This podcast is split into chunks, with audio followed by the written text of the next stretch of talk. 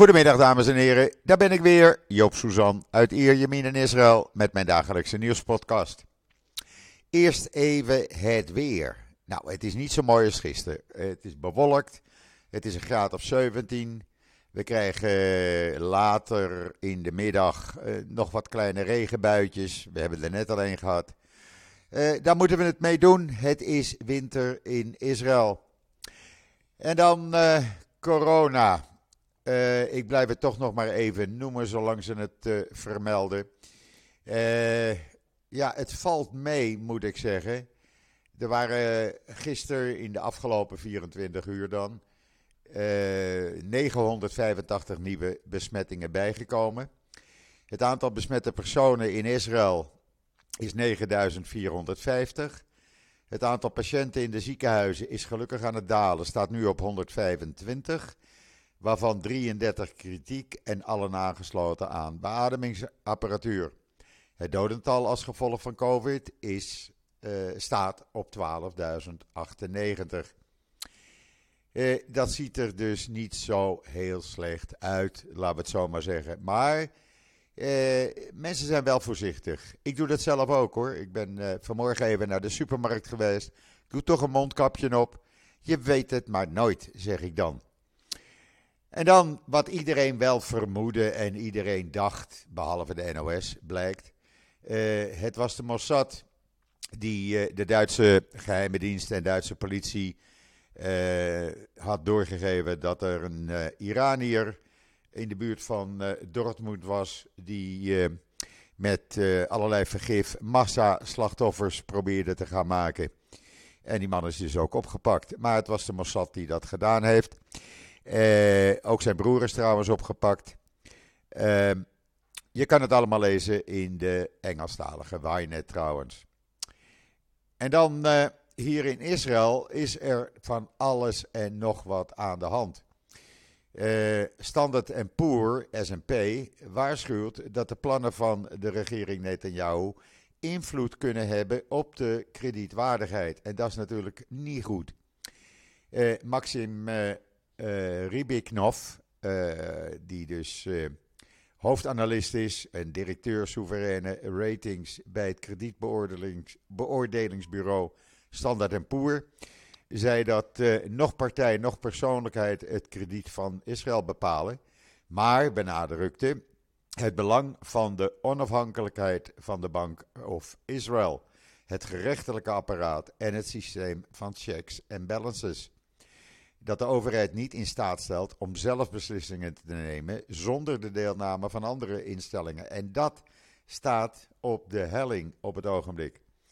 Hij uh, uitte zijn waarschuwing in uh, Kalkalist. Ik heb daar een gedeelte van overgenomen en het in israelnieuws.nl eh, gezet. Daar kan je het dan lezen. en dan een rapport van het Israel Observatorium on Femicide over 2022. Uh, eh, over de vrouwen die vermoord zijn in Israël. Nou, daaruit blijkt uh, dat er verleden jaar 24 vrouwen vermoord zijn in Israël. Ze, uh, vergeleken met de 16 in 2021. dat is een stijging van, nou, 50% En de helft van die vermoorde vrouwen kwam uit de Arabisch-Palestijnse sector terwijl die maar 21% van de totale bevolking uitmaken. Uh, ja, dat zijn geen goede tekenen. Uh, ook dit hele rapport kan je lezen in uh, israelnieuws.nl. Want als ik het hier ga vertellen, gaan jullie het niet meer lezen. En dan, eerder had de IDF gisteren al een smokkelaar gepakt met 10 pistolen. En gisteren in de namiddag zagen ze in uh, Judea en Samaria bij de Jafit-nederzetting iemand uh, lopen die er verdacht uitzag. Ze gingen daar uh, naartoe en het bleek een inwoner van Jericho te zijn. Met een tas vol met 22 pistolen. Je kan ze allemaal zien in Israël Nieuws. ze smokkelen wat af, die, die mensen. Laat ik hem daar netjes zeggen. eigenlijk zijn het terroristen. Of ze werken voor terroristen. En dan uh, zijn er afgelopen nacht weer elf terreurverdachten opgepakt en wapens en munitie in beslag genomen in Judea en Samaria in verschillende uh, steden en dorpen. Je kan het allemaal lezen, zien en de video bekijken in israelnieuws.nl. Waar je ook kan lezen dat de stranden van Israël het schoonst zijn sinds de afgelopen 17 jaar. Dat blijkt uit een nieuw rapport. Hoe mooi is dat? Kom je op vakantie naar Israël, ga dan lekker naar het strand, want het is hartstikke schoon. Het viel mij uh, al eerder op. Ik heb er ook een foto, uh, een zelf gemaakte foto bij gedaan van het strand hier bij Pollek. het is 81,8% van de stranden in Israël kreeg het label schoon of zeer schoon. En dat was het jaar daarvoor nog 70 en vergeleken met uh, eh, 2005, nou is het helemaal fantastisch, want in 2005 was, slechts, was nog geen 20% van de stranden het hele jaar schoon. Uh, buiten Pollek zijn uh, de schone stranden bijvoorbeeld Haifa, Akko, Carmel Beach, Badjam, Ashdod, nou ja, bijna de hele kust. hartstikke goed. Ik ben daar blij mee en uh, we houden het gewoon lekker schoon met z'n allen.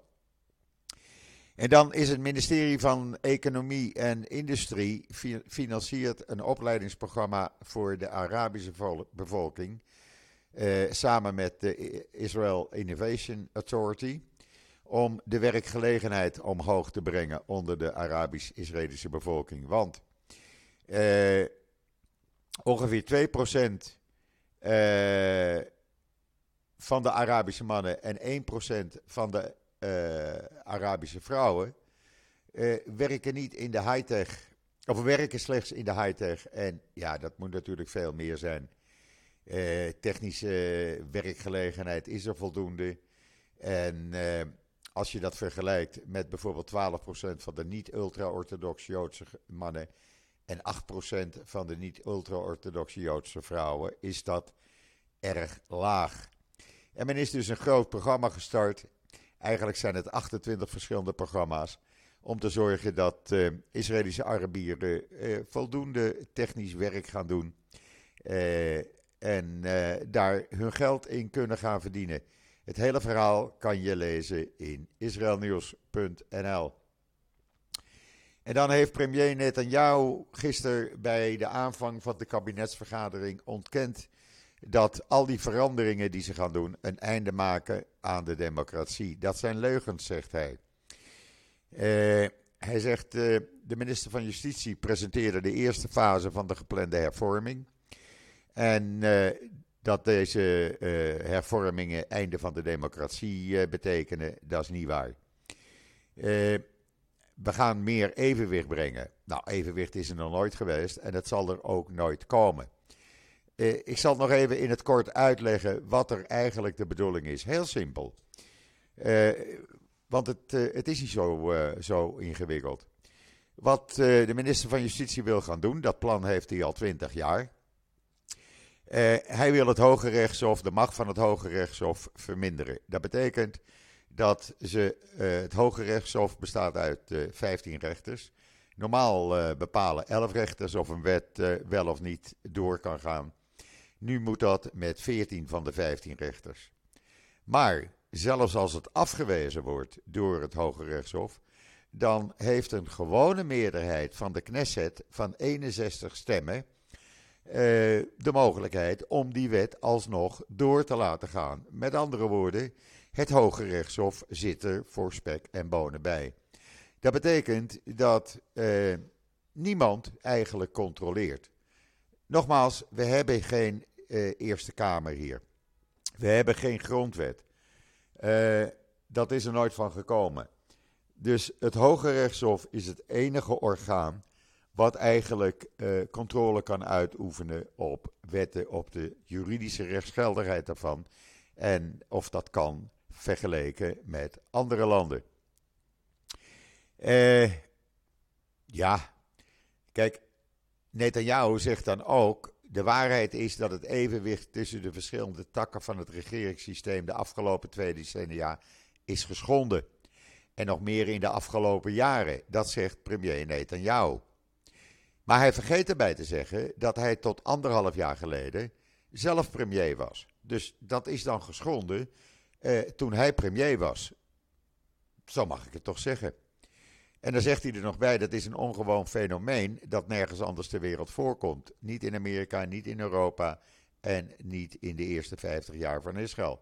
Nou, ik ben het daar niet mee eens. Hij is al uh, meer dan 12 jaar premier en hij is daar dus duidelijk bij betrokken. Het voorstel van Benny Gans wijst hij ook van tafel om een uh, gezamenlijke commissie op te richten die die hervormingen gaat be bespreken, waar ook de oppositie in zit. Dat wil hij niet. Dat is uh, opruiming. Uh, wat ook opruiming is, zijn posters die hij tijdens de demonstratie had gezien. Waarmee de minister van uh, Justitie vergeleken zou zijn met nazi's. Nou, ik heb ze niet gezien. maar goed, het zou kunnen. Misschien heb ik het gemist. dan zegt hij: We hebben een sterk mandaat van het publiek gekregen om uit te voeren wat we bij de verkiezingen hebben beloofd. maar het verschil tussen de twee groepen, om het zo maar eens te zeggen. Uh, het blok uh, Netanyahu, het blok Gans Lapid, was maar 8901 stemmen. Uh, het feit dat zij 64 Knessetzetels hebben gekregen, het blok Netanyahu, ligt in het feit dat Lapid en Gans een fout hebben gemaakt. Die hebben ze ook erkend. Ze hebben geen blok gevormd. Daardoor zijn bijvoorbeeld de stemmen van uh, Meraf, de, zeg maar GroenLinks, uh, die zijn uh, terechtgekomen bij het blok Netanyahu. Want die hebben de stemdrempel niet gehaald, Meref en Meretz. En ja, dan komen die stemmen bij het grootste blok. En dat is dus het blok Netanyahu. En dat zijn een kleine 300 stemmen geweest. Dus ja, daar is het eigenlijk doorgekomen. Zo simpel zit het allemaal in elkaar. Uh, ik hoop dat ik het duidelijk uitgelegd heb. Ik ga trouwens, uh, ben net gevraagd om het vanavond even in uitgelicht op Family 7 TV nog eens een keer toe te lichten. En dat doe ik dan uh, van harte. En dan, de Palestijnse president heeft een exclusief, of pre premier moet ik zeggen, heeft een exclusief interview aan Haaretz gegeven waarin hij vertelt dat uh, al die Israëlische sancties die zullen leiden tot de ineenstorting van de Palestijnse autoriteit. En niet op de lange termijn, maar onmiddellijk, zegt hij. Nou, dat denk ik nog wel mee te vallen. Uh, hij zegt al die vergeldingsacties die uh, het weekend zijn opgelegd, dat betekent het, de collaps van de Palestijnse autoriteit. Maar die vergeldingsacties zijn opgezet omdat de Palestijnse autoriteit de Israëlische regering voor het internationaal gerechtshof in Den Haag heeft gedaagd eh, via de Verenigde Naties. Dat is ze gelukt vanwege zogenaamde apartheid. Eh, en de terreur die Israël zou plegen. Dus dan moet je niet gaan zeuren. Eh, dan, moet je, dan moet je gaan uh, overleggen met Israël in plaats van naar de Verenigde Naties te rennen. Dus uh, ja, ik, uh, ik vind het een beetje overtrokken allemaal. En dan hebben we hier natuurlijk een klein relletje sinds gisteren over dat werk op Shabbat. De minister van Huisvesting, ultra-orthodox, die zegt: Ik stoor me eraan, ik kan er niet mee tegen dat er op Shabbat gewerkt wordt. Wat wordt er op Shabbat gedaan? Daar worden elektriciteitsleidingen aangelegd, zodat uh, zo snel mogelijk het hele net elektrisch is, eh, zijn we van die milieuvervuiling ook af. Dat kan ook, dat kan niet door de week, want dan moet het treinverkeer stilgelegd worden. Nou, het uh, openbaar vervoer is al niet uh, juf van het in Israël. Treinen zijn dan nog enigszins uh, het beste. als dat dan één of twee dagen niet kan rijden elke week, ja, dan hebben we daar weer een probleem. en dan gaan ze zich daar weer aan storen.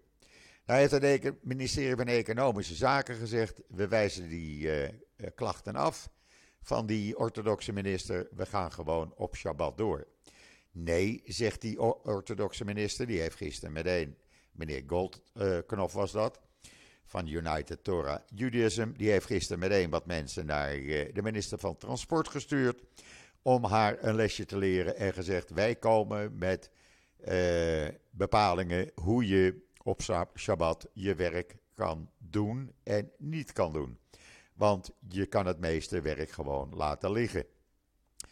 Nou, dat is nou een, uh, ja, een probleem geworden tussen de niet-orthodoxe en orthodoxe partijen.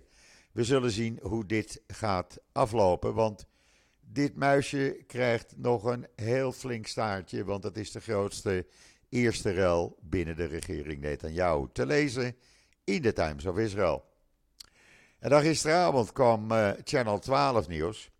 En die zei, ja, die gerechtelijke veranderingen, die revisie, uh, dat geeft de regering volledige controle over de selectie van rechters.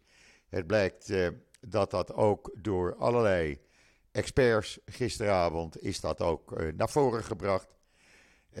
precies wat ik net zei, de commissie die eh, de rechters benoemd. Die eh, wordt volledig eh, bemand door, ja, zeg maar, regeringsvertegenwoordigers. Dus de onafhankelijkheid is al weg. De leden van de Bar, Israel Bar Association, die zitten daar dan niet meer in. Rechters zitten daar niet meer in. Het gaat dus niet goed. Dit kan je lezen in Times of Israel. Die hebben daar een uittreksel uh, uitgemaakt. En dan heeft de minister van Nationale Veiligheid en Politie, Itamar Ben-Gvir, eh, die heeft een nieuwe bepaling uit doen gaan. Waarbij Palestijnse vlaggen in de openbare ruimte niet meer mogen. Afgelopen zaterdagavond bij die demonstratie in Tel Aviv werden nog wat borden en vlaggen met, uh, van de Palestijnen getoond. Dat mag niet meer, dan ben je strafbaar. Iedere agent hoe belangrijk of onbelangrijk ook, moet daar meteen tegen optreden. Dat is ook gekomen doordat die eh, terrorist na 40 jaar werd vrijgelaten en een heldenontvangst met vlaggen in zijn Palestijnse dorp kreeg op de Westbank. Nou, dat pikt hij ook niet. Daar is een onderzoek uh, naar aan de gang. En uh, ja, de volgende demonstratie zaterdagavond, als daar dan weer Palestijnse vlaggen of borden met de Palestijnse vlag op worden getoond, dan heb je dus een groot probleem. Nou, we zullen het uh, gaan zien. Het staat allemaal in de Jeruzalem Post. Uh, Netanyahu trouwens, die was nogal kwaad op die demonstranten, want die vond dat ze de boel aan het opruien waren tegen de regering. En uh, daar ben ik tegen. En ik eis, zei Netanyahu, dat hiermee onmiddellijk mee wordt gestopt. Uh, we gaan het meemaken. En dan uh, is er een, uh, in de coalitieovereenkomst is afgesproken dat de lokale autoriteiten, de gemeentes, die moeten dus de ultra-orthodoxe en orthodoxe scholen gaan financieren. Nou, daar hebben nu meer dan 170 gemeenteraden of gemeentebesturen en hoofden van regio's hebben een open brief aan Netanyahu en de minister van Onderwijs en Financiën gestuurd waarin ze schrijven dat ze dat niet van plan zijn te gaan doen. Uh, ze gaan niet uh, hun budget uh, opmaken aan alleen maar één groep mensen. Daar beginnen ze niet aan. Ze gaan ze weigeren om die orthodoxe scholen via hun begroting te financieren en dat de kosten laten gaan van de niet-orthodoxe mensen. Dat wordt ook nog een dingetje. Wat ook een dingetje is, want het klonk niet zo diplomatiek, laat ik het maar zo zeggen. Smotrich heeft natuurlijk eh, als minister van Financiën die, uh, uh, ja, die financiële maatregelen genomen tegen de Palestijnse autoriteit. En heeft een persconferentie gisteren gehouden. En hij zegt, ik, tijdens die persconferentie, zei hij, zolang de Palestijnse autoriteit terreur aanmoedigt, en een vijand is, heb ik er geen enkel belang bij dat die Palestijnse autoriteit blijft bestaan. Ik kan het ergens met hem eens zijn, alhoewel ik het ook weer niet eens ben, want het is niet diplomatiek. En wil je gaan praten, dan moet je niet op deze manier praten. Maar goed, Uh, hij heeft ergens wel gelijk. Zal ik dat zo zeggen? Ja, dat zal ik zo zeggen. Dan uh, Lieberman. Ja, dat is ook nog een dingetje geworden gisteren, mensen. Het staat in de Times of Israel trouwens. Trouwens, alle kranten hebben het erover. Lieberman moest gisteren opdraven als getuige in een proces. wat Sarah Netanyahu had aangespannen. Uh, tegen iemand die ze beschuldigde dat hij haar beledigd had. Nou, daar moest uh, Lieberman in getuigen. Uh, dat was voor de rechtbank van uh, Rishon LeZion. en die, die man tegen wie zij dus het proces had opgesteld, beweerde ook dat Sarah Netanyahu in de jaren 90 een 15 pagina's stellende geheime overeenkomst had met haar man Benjamin Netanyahu, die haar ingrijpende controle gaf over kernaspecten van nationale aangelegenheden, waaronder vetorecht over benoemingen van hooggeplaatste mensen en het recht om betrokken te zijn bij veiligheidsberaadslagingen. Daar vraagt ze 121.000 dollar schadevergoeding voor. Eh, nou, Lieberman die uh, was stafchef van Netanyahu en hij heeft allerlei werkzaamheden gedaan voor Netanyahu voordat hij uh, de politiek inging. En uh, toen vroeg de rechter aan Lieberman, treedt Sarah Netanyahu over het algemeen op en kwam ze tussen beiden bij afspraken en was ze bij die veiligheidsbijeenkomsten? ja, zei Lieberman, volmondig. We kregen direct telefoontjes om een secretaresse in de Likud voor verkiezingen te plaatsen, eh, te verplaatsen, die Sarah niet leuk vindt. Eh, want die wilde ze niet. Eh, en Lieberman, die was van 1993 tot 96 directeur-generaal van de Likud-partij. En in de jaren 96, 97 directeur-generaal van het kabinet van uh, Netanyahu. Uh, en sinds 2019 was hij minister in verschillende functies. Eh, zoals minister van Defensie van 2016 tot 2018. Dus als er iemand de verhoudingen kent tussen de Netanyahu's, is het uh, Lieberman wel. Uh, of hij ook iets wist over die overeenkomst, zegt hij nou, ik heb hem niet gezien. Maar er gingen wel sterke geruchten over.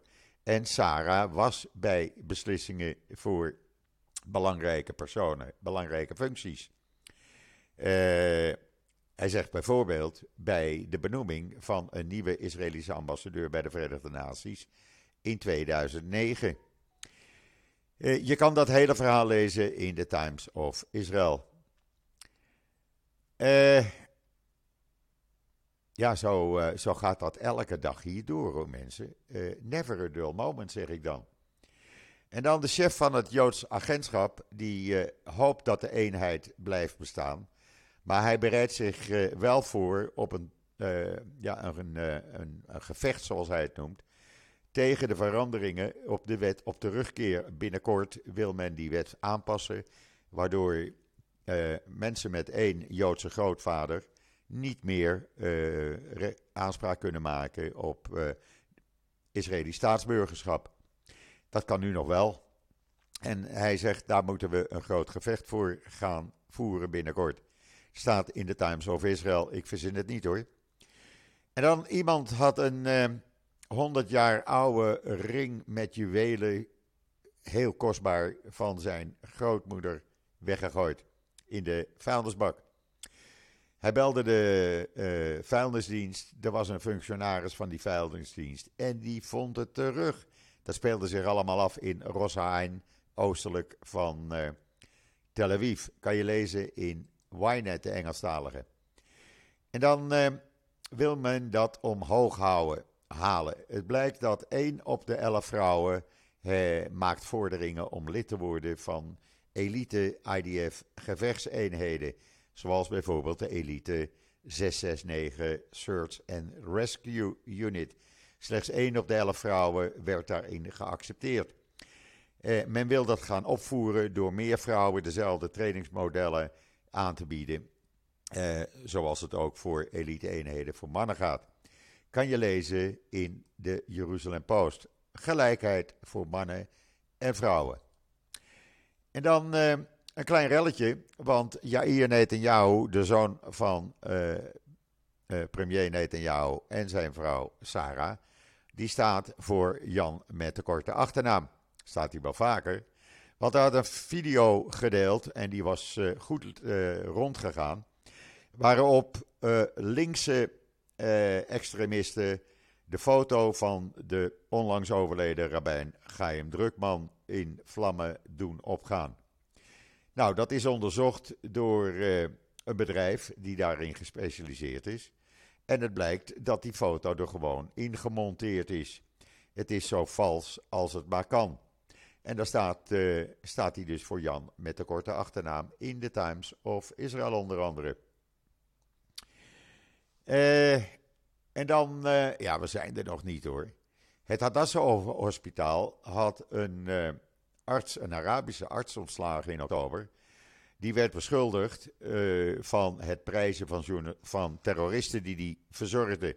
Onder andere een 16-jarige terrorist die behandeld moest worden en die hij de hemel in zou hebben geprezen en hem snoep had gegeven. Bleek allemaal gelogen te zijn. Het bleek allemaal door een rechtse groep in de wereld te zijn gebracht. Die hebben nu een excuus aangebracht en uh, aangeboden. En het ziekenhuis is bezig om deze dokter weer alle rechten te geven die hij had. En zelfs meer met grote excuses in de Times of Israel. En dan uh, 40%, en dat valt me erg tegen mensen, 40% van Israëlisch-Joodse studenten wil geen Arabische leraar in de klas. Is een onderzoek van het Levinsky Wingate Academy Center. En dat is erg hoog. Staat in de Jeruzalem Post trouwens. Uh, ik had verwacht dat dat minder zou zijn. Ik had verwacht dat er toch wat meer tolerantie onder de jongeren zou zijn. Zoals het ook onder de ouderen is jegens Arabieren. Maar dat is het dus niet.